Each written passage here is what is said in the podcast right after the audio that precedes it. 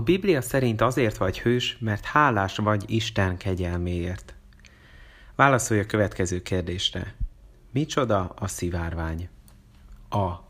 Sokszínű ív, amit a fény különleges visszaverődése okoz. B. Annak a jele, hogy Isten nem fogja elpusztítani a földet. C. Egy színes út, aminek a végén kincset találunk. A helyes választ kérlek karikázd be.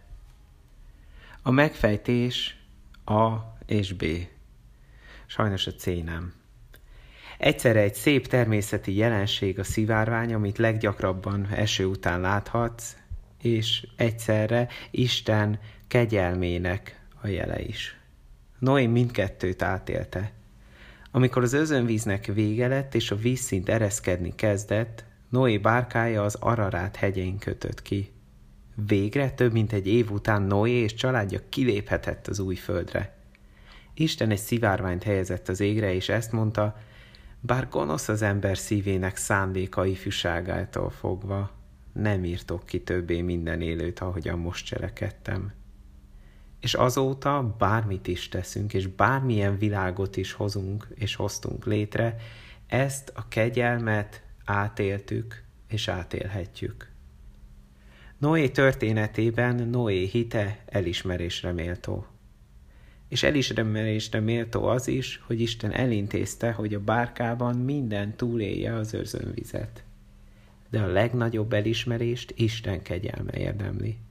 Mert igazából senki, még Noé sem érdemelte volna meg, hogy Isten külön fáradjon azért, hogy megmentse. Noé is ugyanolyan bűnös ember volt, mint azelőtt és azóta is mindenki. És sajnos, ha az egész életét nézzük, ő is részt vett abban, hogy a világa olyan legyen, mint amilyen lett. Isten nem tartozik nekünk semmivel. Természetünk szerint ellene lázadunk, és nem az ő pártján állunk.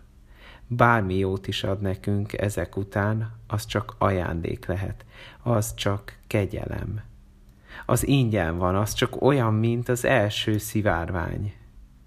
Így küldte el Isten a fiát, hogy helyreállítsa a kapcsolatot köztünk. A Biblia Dániel 9.9-ben ezt mondja, a mi Úrunk, Istenünk irgalmas és megbocsát, bármi ellene lázadtunk.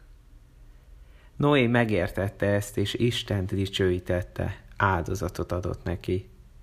Mi is vegyük észre Isten kegyelmét, és válaszoljunk rá önmagunk Istennek adásával. Egy kis feladat a végére, jegyezd meg a Dániel 9.9-et, és emlékeztes néha magad arra, hogy mennyire örülhetsz Isten kegyelmének.